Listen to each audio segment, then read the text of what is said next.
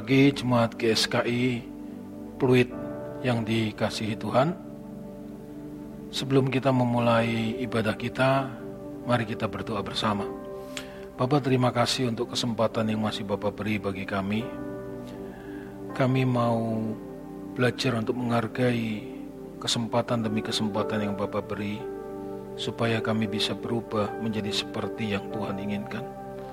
Oleh karena itu berkati kebenaran firman pada pagi hari ini supaya kami bisa mengerti dan kami bisa berjuang untuk menghidupi firman yang Bapak inginkan untuk kami hidupi. Kami bersyukur, kami buka hati kami hanya di dalam nama Tuhan Yesus. Amin. Bapak Ibu Saudara sekalian, hari-hari ini kita mendengar berita duka di mana mulai dari orang-orang yang tidak kita kenal, orang yang kita kenal, teman, sahabat, bahkan orang-orang yang kita kasihi, berpulang satu persatu.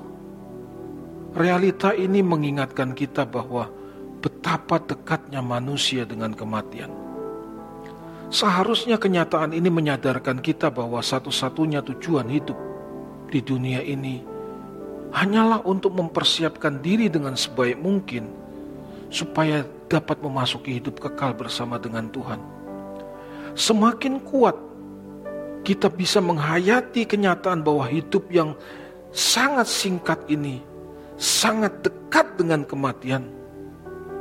Maka semakin kita sadar bahwa hidup yang kita jalani di dunia ini dengan segala kesibukannya hanyalah untuk mempersiapkan diri memasuki hidup yang kekal. Dengan adanya kesadaran ini akan membuat kita lebih berhati-hati dan mawas diri dalam menjalani sisa hidup yang kita jalani ini. Dan ketika kita jumpai ada yang hal-hal yang belum berkenan, kelemahan-kelemahan, kebiasaan-kebiasaan buruk yang masih membelenggu dan mengikat, segera kita akan bereskan. Jadi semakin kita menyadari bahwa hidup yang kita jalani di dunia ini menentukan nasib kekal kita, maka kesempatan hidup yang masih kita miliki dan yang tidak pernah kita ketahui kapan berakhir akan kita pergunakan untuk membereskan hal-hal yang masih belum beres di dalam diri kita. Supaya ketika waktunya tiba, kita kedapatan berkenan di hadapan Tuhan. Bapak, Ibu, Saudara sekalian, kita harus menyadari dan benar-benar menghayati setiap manusia yang pernah hidup di muka bumi ini pasti akan tiba di ujung akhir hidupnya. Meskipun kita tidak pernah tahu kapan waktu kita akan berakhir, tetapi yang pasti setiap orang akan tiba di ujung akhir hidupnya. Nah, ketika seseorang tiba di akhir ujung hidupnya, maka satu-satunya yang dipersoalkan adalah apakah ia diterima oleh Tuhan atau tidak. Jadi ketika seseorang ada di ujung maut, saudara, maka yang selama ini dipersoalkan dan diperjuangkan, seperti mengejar dan mengumpulkan harta atau kekayaan, mengejar posisi atau jabatan, atau kesenangan-kesenangan yang lain. Ketika seseorang ada di ujung maut, semua itu sudah tidak lagi dipersoalkan, karena hanya satu yang dipersoalkan: apakah ia kedapatan berkenan di hadapan Tuhan atau tidak. Karena momentum perpindahan atau transisi dari keadaan fana menuju keadaan kekal adalah sebuah peristiwa yang sangat dahsyat dan menggentarkan. Dan peristiwa ini tidak bisa diungkapkan dengan kata-kata. Hanya orang yang mengalami, yang bisa mengerti, yang bisa menyadari bahwa memang peristiwa ketika ada di dalam tahta pengadilan Kristus, atau ketika sedang ada di dalam proses perpindahan, transisi, yaitu dari kefanaan menuju kehidupan kekal, itu luar biasa, menggentarkan. Seharusnya tidak perlu lebih dahulu mengalami peristiwa ini baru kita gentar. Ketika saat ini pun kita bisa menghayati.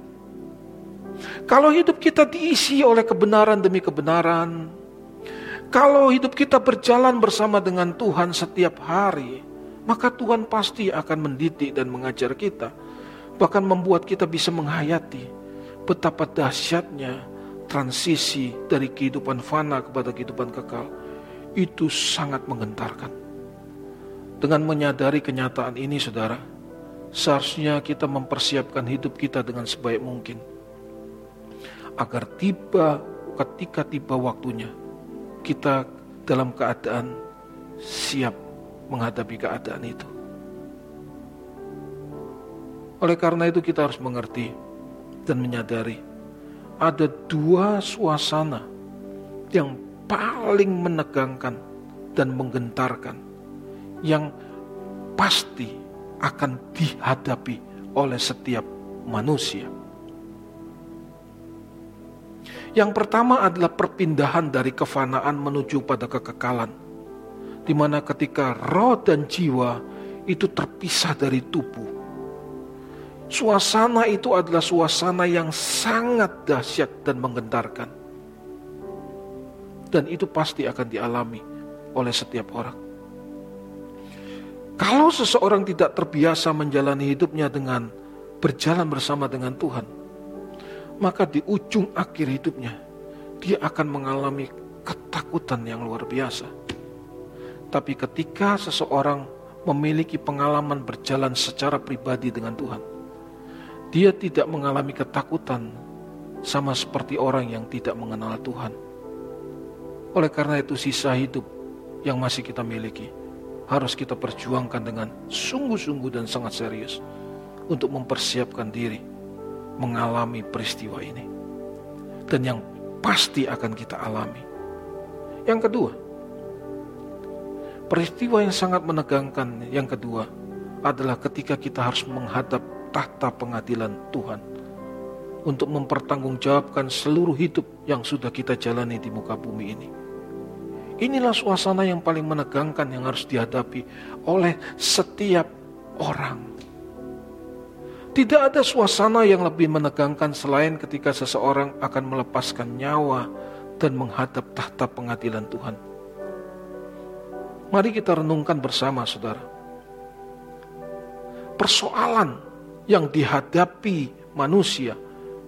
Persoalan yang terbesar yang hadapi manusia. Apa pun nama persoalan itu. Itu hanya sampai batas usianya di muka bumi ini. Hanya sampai batas kematian. Karena ketika menutup mata untuk selama-lamanya di dunia, apa yang selama ini menjadi persoalan yang memberatkan hidupnya sudah tidak lagi menjadi persoalan dalam hidupnya tetapi keadaan di ujung akhir hidup seseorang bukan cuma sekedar antara hidup dan mati. Tetapi keadaan di ujung akhir hidup seseorang itu berbicara tentang bersama-sama dengan Tuhan untuk selamanya atau terpisah dari Tuhan untuk selamanya. Kalau terbiasa menjalani hidup berkenan kepada Tuhan, maka ketika ada di ujung maut, maupun ketika sedang menghadapi tahta pengadilan Tuhan, kita tidak alami ketakutan seperti orang yang tidak mengenal Tuhan. Karena kita memiliki kesaksian di dalam batin bahwa Tuhan sudah membentuk dan menuntun kita dalam sepanjang sisa hidup yang kita jalani. Jadi keyakinan ini timbul bukan hanya di nalar atau pikiran, tetapi melalui pengalaman pribadi berjalan bersama dengan Tuhan setiap hari. Di mana mengalami pengalaman tersebut, saudara, kita alami proses dididik dan dibentuk oleh Tuhan, sehingga hidup kita berubah. Hidup kita berubah. Jadi, ketika menghadap Tuhan, kita tidak akan alami ketakutan sama seperti orang yang tidak mengenal Tuhan. Tetapi jika tidak memiliki pengalaman pribadi berjalan bersama Tuhan, dan dibentuk oleh Tuhan melalui peristiwa-peristiwa hidup yang terjadi atau yang kita alami. Maka ketika di ujung maut baru sadar keyakinannya yang selama ini bahwa dia pasti akan diterima oleh Tuhan. Ternyata hanyalah sebuah keyakinan yang semu. Dan jika baru sadar bahwa keyakinan itu adalah keyakinan yang semu ketika ada di ujung maut, maka kesadaran tersebut sia-sia, saudara. Karena sudah tidak ada lagi kesempatan untuk memperbaiki diri. Oleh karena itu, Bapak, Bapak Ibu, saudara sekalian, sisa hidup kita di dunia ini harus terus-menerus diperjuangkan untuk diisi oleh kebenaran-kebenaran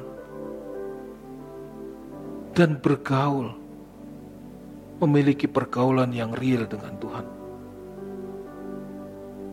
Karena jika kita terus-menerus mengisi pikiran kita dengan kebenaran, bergaul dengan Tuhan melalui kebenaran firman yang Tuhan Yesus ajarkan dan teladankan, maupun bergaul secara pribadi, membangun komunikasi secara pribadi dengan Tuhan setiap hari, setiap saat, maka kita sedang membangun suasana jiwa yang terus-menerus alami hadirat Tuhan. Hadirat Tuhan. Sehingga di mana pun kita berada, apa pun yang kita lakukan, dengan siapa pun kita berinteraksi, dalam keadaan apa pun kita, kita bisa tetap mengalami dan merasakan kuatnya Tuhan menyertai kita. Kuatnya Tuhan menyertai kita. Jadi suasana hadirat Tuhan ini bukan dirasakan hanya saat tertentu. Di dalam seperti dalam suasana ibadah atau kebaktian. Atau hanya dalam doa secara pribadi. Tidak tapi dalam setiap keadaan. Ini yang harus kita perjuangkan dengan konsisten. Nah, ketika kita makin konsisten memperjuangkan untuk bisa ada di dalam kekuatan hadirat Tuhan. Inilah yang membuat kita bisa menjalani hidup seperti yang Tuhan inginkan. Kita tidak mungkin bisa menjalani hidup seperti yang Tuhan inginkan kalau kita tidak tercengkram kuat di dalam hadirat Tuhan. Tetapi orang-orang yang makin kuat mengalami hadirat Tuhan, memang bisa jatuh. Tetap bisa jatuh, tapi kalaupun menyimpang atau jatuh, orang-orang seperti ini pasti dengan cepat akan bisa mendeteksi dan memperbaikinya. Sehingga tidak terus-menerus hanyut dalam kesalahan-kesalahan yang sama. Masalahnya saudara, membangun konsistensi, mengalami hadirat Tuhan secara konsisten, itu tidak mudah. Karena hidup kita sangat dipengaruhi oleh suasana jiwa, dan suasana jiwa kita sangat dipengaruhi oleh keadaan-keadaan di luar yang terjadi dan kita alami. Makanya Kadang kita bisa merasakan hadirat Tuhan yang begitu kuat, tapi kadang kita juga tidak bisa merasakan hadirat Tuhan yang begitu kuat. Seperti on off, on off. Nah sering kali kita masih jujur banyak off-nya daripada on-nya. Tapi jika kita memiliki tekad yang kuat untuk membangun hidup yang makin berkenan kepada Tuhan, maka kita akan makin lebih stabil menghadapi, mengalami hadirat Tuhan.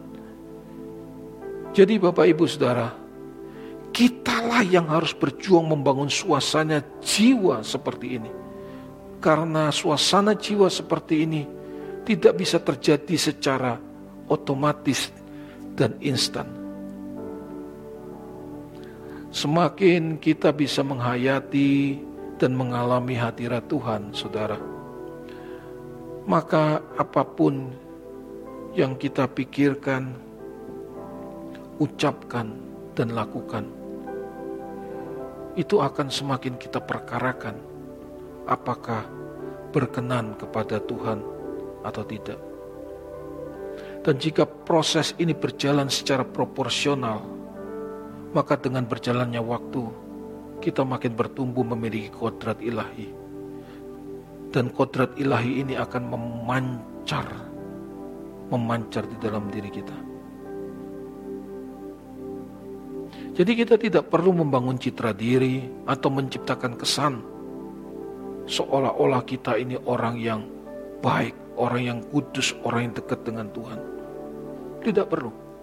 Karena kualitas manusia batiniah kita itu akan memancar secara otomatis dalam keadaan apa pun. Jadi jika seseorang cenderung menciptakan kesan bahwa dia orang dekat Tuhan, orang baik, ketika alami krisis, semua kesan yang dia ciptakan itu otomatis pudar. Dan orang melihat siapa dirinya yang sesungguhnya. Orang akan melihat kita yang sesungguhnya. Kalau kita cenderung hidup dalam keadaan selalu ingin menciptakan kesan. Atau membangun citra diri. Jadi kalau kita fokus membangun manusia batinnya yang makin berkenan, baik di hadapan orang maupun tidak ada orang. Baik ketika kita alami tekanan maupun ketika keadaan baik-baik saja, kita tetap sama. Kita tetap genuine, saudara. Paulus di dalam 2 Korintus 5 ayat 9 berkata begini, Sebab itu juga kami berusaha, baik kami diam di dalam tubuh ini maupun kami diam di luarnya, supaya kami berkenan kepadanya. Ini yang Paulus usahakan. Di depan orang atau tidak di depan orang. Dalam keadaan baik atau tidak baik. Dalam keadaan tertekan atau semua baik-baik saja. Ia berusaha untuk berkenan kepada Tuhan. Jadi hanya orang yang terus-menerus berjuang untuk memperoleh perkenanan Tuhan maka ia akan terus mempersoalkan keberadaannya di hadapan Tuhan.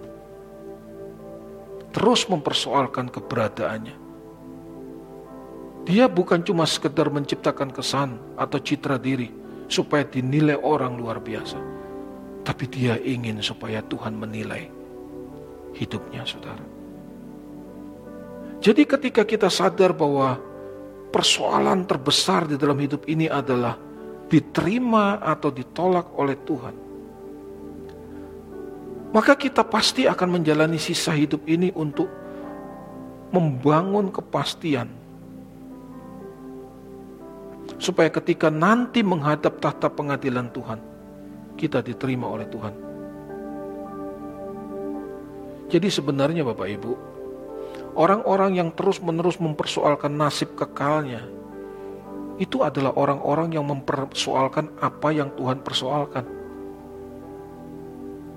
Kalau kita mempersoalkan apa yang Tuhan persoalkan, maka pasti hidup kita makin berkenan, saudara. Orang-orang yang mempersoalkan apa yang Tuhan persoalkan itu adalah orang yang bisa menyadari dan menghayati betapa pentingnya kehidupan kekal jauh lebih penting dari kehidupan yang ada di dunia ini. Maka sementara ia masih menjalani hidup di dunia ini, ia akan berjuang saudara untuk menjalani sisa hidupnya, sisa hidupnya di dunia ini untuk makin berkenan. Dengan cara apa? Bagaimana berjuang untuk bisa menyenangkan hati Tuhan yang sudah menebus hidupnya. Yang sebenarnya dia terpisah dari Tuhan untuk selama-lamanya. Tapi ditebus oleh Tuhan, dimiliki oleh Tuhan. Maka dia harus memberi dirinya untuk supaya Tuhan benar-benar bisa memiliki hidupnya, saudara. Inilah orang-orang yang sedang berjuang untuk mempersiapkan kehidupan kekalnya. Ada satu lagu yang luar biasa. Yang sebenarnya kalau kita menghayati bait demi bait mengingatkan kita bahwa kita harus berjuang untuk menyenangkan hati Tuhan senantiasa. Menyenangkan hati Tuhan lebih dari segalanya. Disingkatnya hidupku, kesempatan berharga karena anugerahmu. Di renungan hati ini kata dan perbuatan di semua rencanaku semua cita-citaku seturut kehendakmu. Engkau ciptakan aku untuk menyenangkanmu. Sepanjang hidup ini sampai di surga nanti menyenangkanmu selalu. Di mana engkau ada? Aku rindu berada. Engkau kesukaanku batu karang perhentian tak akan tergantikan Sebenarnya inilah kehidupan Kristen yang ideal yang harus kita jalani waktu kita menjalani hidup kita di dunia ini. Mungkin ada yang bertanya, tetapi bagaimana dengan kehidupan di dunia ini? Kalau kita sedikit-sedikit mempersiapkan hidup kekal, apalagi sekarang dalam keadaan pandemi dan keadaan yang sangat sulit, Sekali lagi saya harus katakan kepada saudara, kalau Tuhan Yesus pernah berkata, bunga di ladang yang hari ini ada, besok menjadi lisut dan layu, tetapi dipelihara dan didandani Tuhan. Kalau burung di udara yang tidak pernah menyimpan di dalam lumbung, dipelihara oleh Tuhan. Apalagi kalau kita anak yang selalu berusaha menyenangkan hati Bapak. Kalau kita punya anak, saudara, anak kita bertumbuh dekat dengan kita, dia selalu ingin melayani kita, orang tuanya. Meskipun dia memiliki waktu untuk berteman, berkencan dengan teman-temannya, tapi dia tanggalkan itu demi untuk bisa bersama-sama dengan kita, pergi makan bersama dengan kita. Aduh, betapa bahagianya kita. Itu hanya sekedar contoh kecil. Hari-hari yang dia jalani selalu memikirkan apakah kita ini bisa disenangkan atau tidak sebagai orang tuanya. Aduh saudara, kita pasti, hati kita pasti tertuju kepada anak itu.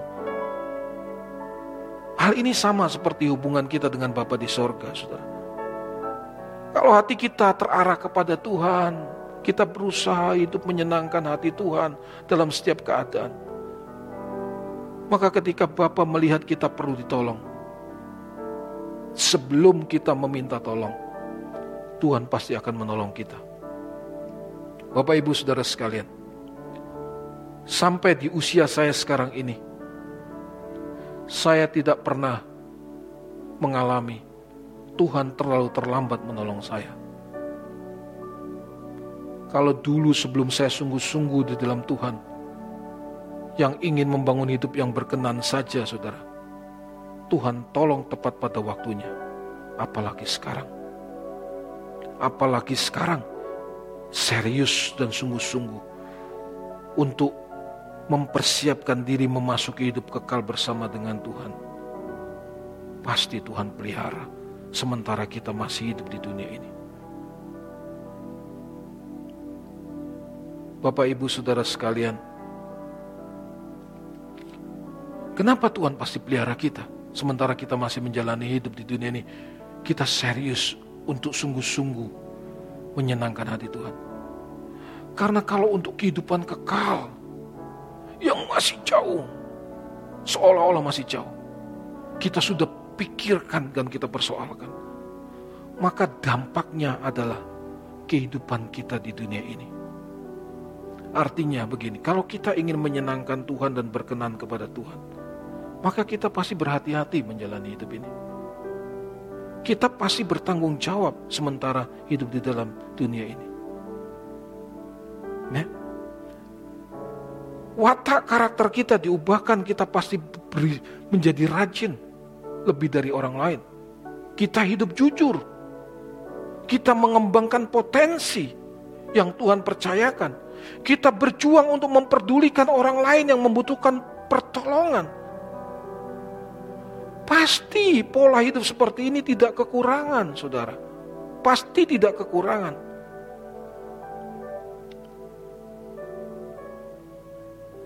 Jadi saudara kalau kita menjalani hidup dengan penuh tanggung jawab, mengembangkan potensi, rajin, jujur, bisa dipercaya, pasti hidup di dunia ini tidak kekurangan. Dan yang terakhir kita menjadi berkat bagi orang lain. Wah,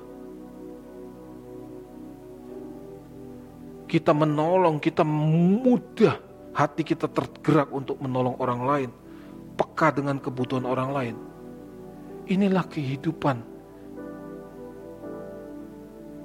yang membuat kita makin diperkenan oleh Tuhan. Di tengah-tengah dunia yang sibuk dengan kepentingan sendiri, yang penting untukku, untukku, untukku. Kita menjalani hidup bukan untukku. Kita menjalani hidup untukmu dan untuk sesama yang membutuhkan pertolongan. Ini yang menyenangkan hati Tuhan. Mari bayangkan saudara, ketika saudara datang memberi pertolongan kepada seseorang, di mana pertolongan yang saudara berikan tepat pada waktunya, hal itu akan membuat hati kita ikut bersuka cita, saudara. Dan sukacita ini adalah sukacita yang berbeda dengan sukacita ketika kita memperoleh sesuatu atau berkat-berkat materi. Beda. Makanya Alkitab berkata adalah terlebih berbahagia memberi daripada menerima. Memberi bukan cuma sekedar harta, memberi per, kepedulian, perhatian, pertolongan, orang-orang yang tepat membutuhkan pertolongan, itu juga memberi.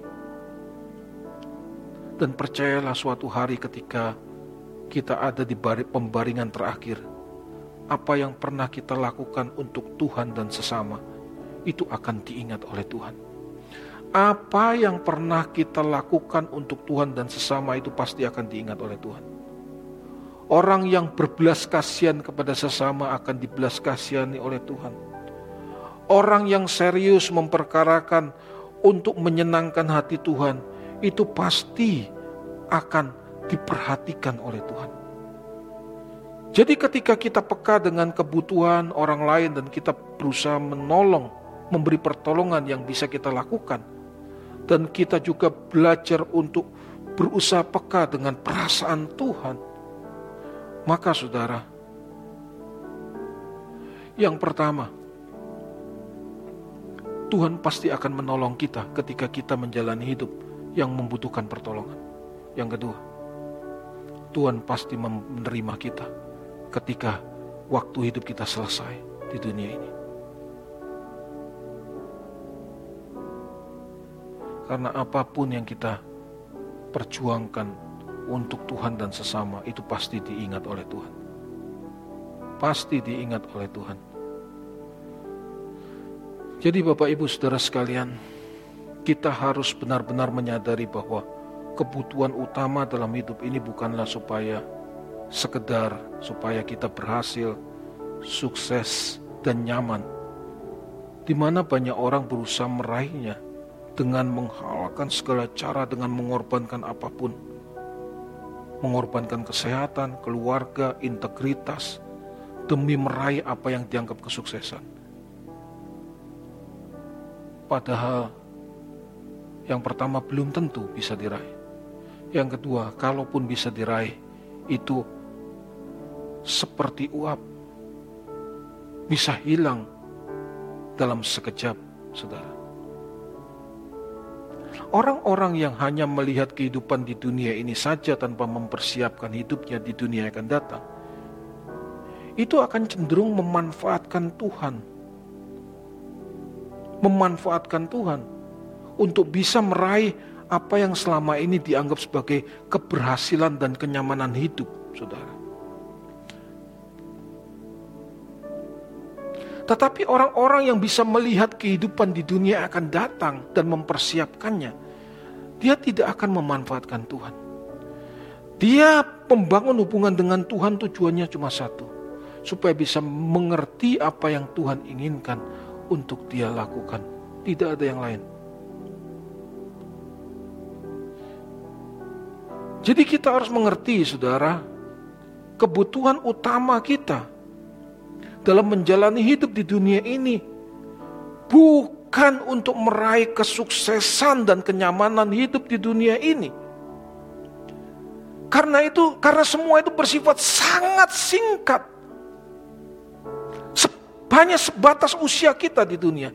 Tetapi perjuangan atau kebutuhan utama kita menjalani hidup di dunia yang sangat singkat dan fana ini hanya satu, yaitu supaya kita kedapatan berkenan di hadapan Tuhan. Ini perjuangan kita. Ketika kita bisa menyadari dan menghayati bahwa hidup yang kita jalani ini hanyalah untuk bisa memperoleh perkenanan Tuhan, maka hidup yang kita jalani ini hanya terus-menerus kita perjuangkan untuk memperbaiki diri, untuk mempersiapkan diri, dan mengabdikan hidup kita hanya kepada Tuhan dan terakhir menjadi berkat bagi banyak orang, bagi orang lain. Sebagaimana yang ditulis oleh Paulus di dalam Filipi 1 ayat 21 sampai yang ke-22. Karena bagiku hidup adalah Kristus dan mati adalah keuntungan. Tetapi jika aku harus hidup di dunia ini, itu berarti aku harus bekerja memberi buah jadi bagi orang-orang yang menyadari bahwa kebutuhan utamanya adalah memperoleh perkenanan Tuhan, maka ukuran keberhasilan dan kenyamanan berbeda dengan orang yang tidak mengenal Tuhan. Atau orang yang seolah-olah mengenal Tuhan tapi tidak mengenal Tuhan. Orang yang tidak mengenal Tuhan, saudara, ukuran keberhasilan atau sukses suksesnya atau kenyamanan hidupnya adalah supaya bisa mengumpulkan sebanyak-banyaknya untuk dinikmati senikmat-nikmatnya.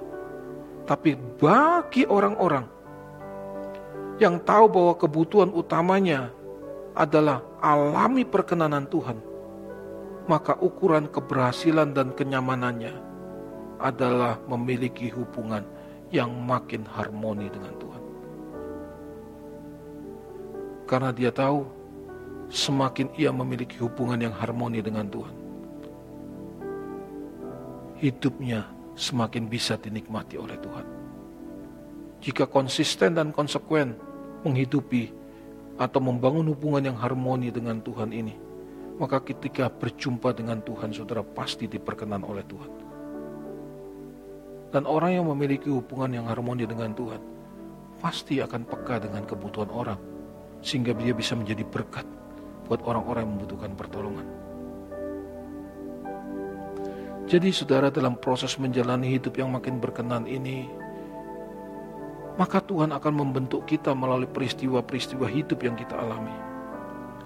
Baik ketika kita alami tekanan masalah maupun ketika kita alami godaan-godaan dosa. Di situlah kita dilatih oleh Tuhan. Sehingga dengan berjalannya waktu yang kita jalani, kita makin bisa dinikmati oleh Tuhan. Nah, saya katakan sekali lagi menjalani hidup seperti ini tidak mudah. Dan alami sering kali jatuh, bangun, gagal, bangkit, gagal, bangkit. Tapi ketika kita bertekun dalam pembentukan Tuhan, maka kita bisa melihat di balik peristiwa-peristiwa yang terjadi dan di balik peristiwa-peristiwa yang kita alami, saudara. Tuhan mengajarkan jalan-jalannya kepada kita sehingga kita bisa berubah menjadi seperti yang Tuhan inginkan.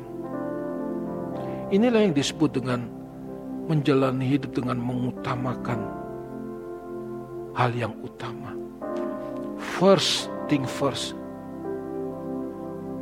Dan perubahan untuk menjadi seperti yang Tuhan inginkan ini tidak bisa terjadi secara otomatis dan instan. Tapi kita harus belajar mempraktekkan kebenaran demi kebenaran yang kita ketahui. Praktekkan kebenaran demi kebenaran yang kita ketahui itu dalam peristiwa hidup yang terjadi dan kita alami. Sehingga melalui peristiwa-peristiwa itu kita diajar oleh Tuhan kita dibentuk oleh Tuhan.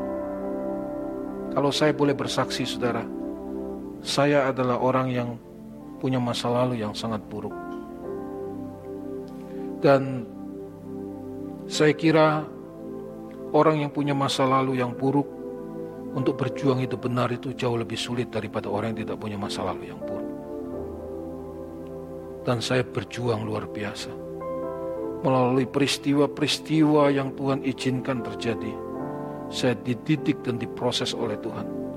Dan saya mau meresponi didikan dan pembentukan Tuhan. Dan saya harap saudara yang mendengar kebenaran ini disampaikan juga bisa meresponi didikan dan pembentukan Tuhan di balik setiap peristiwa hidup yang saudara alami. Karena di situlah kita akan berubah menjadi seperti yang Tuhan inginkan. Di situlah hidup kita makin dinikmati oleh Tuhan. Di situlah kita makin peka dengan perasaan Tuhan. Dan di situlah kita bisa juga peka dengan kebutuhan orang. Melalui semua itu, kau mengajarkan jalan-jalanmu. Dulu ku tidak mengerti mulia rencanamu bagiku. Semua yang telah terjadi mengubahku indah di matamu. Sungguh besar anugerahmu Ku ingat kebaikanmu selalu Jadi Bapak Ibu kalau kita terus dibentuk oleh Tuhan di balik peristiwa-peristiwa hidup Meskipun awalnya itu menyakitkan, tidak menyenangkan, tidak enak Tapi kalau kita terus berkomitmen untuk dibentuk Tuhan melalui peristiwa hidup itu, maka apa yang selama itu kita alami itu tidak enak, akan membuat kita begini, saudara. Yang tidak enak ini ternyata merubah hidupku. Dan aku ingat. Aku ingat apa yang Tuhan sudah pernah lakukan dalam hidupku. Dan aku mau belajar untuk makin menghormati Tuhan dalam setiap langkahku. Jadi ingat Bapak Ibu, Tuhan akan membentuk kita dalam setiap peristiwa hidup. Awalnya tidak menyenangkan. Awalnya membuat kita mungkin menderita dan sengsara. Tapi hasil akhirnya akan membuat kita bersyukur untuk proses itu. Karena hanya melalui proses itu, kita diubahkan hari ke sehari. Menjadi seperti yang Tuhan inginkan. Kalau hari-hari ini, saudara mengalami peristiwa-peristiwa yang tidak seperti yang saudara inginkan. Mungkin itu bahasa Tuhan dalam hidup saudara. Untuk mengingatkan, untuk menegur, untuk mengarahkan, untuk mengembalikan kepada jalan-jalan yang benar. Oleh karena itu, jangan menyerah menghadapi persoalan seberat apa pun. Karena persoalan seberat apa pun hanya sebatas usia kita di dunia ini. Tapi kalau kita mau dibentuk dan diubah oleh Tuhan, proses yang kita alami memang berat. Tapi kemuliaan yang akan kita terima itu jauh daripada penderitaan yang kita alami sekarang. Selamat berjuang saudara. Tuhan Yesus memberkati kita semua. Salah Gracia. Amin. Amin.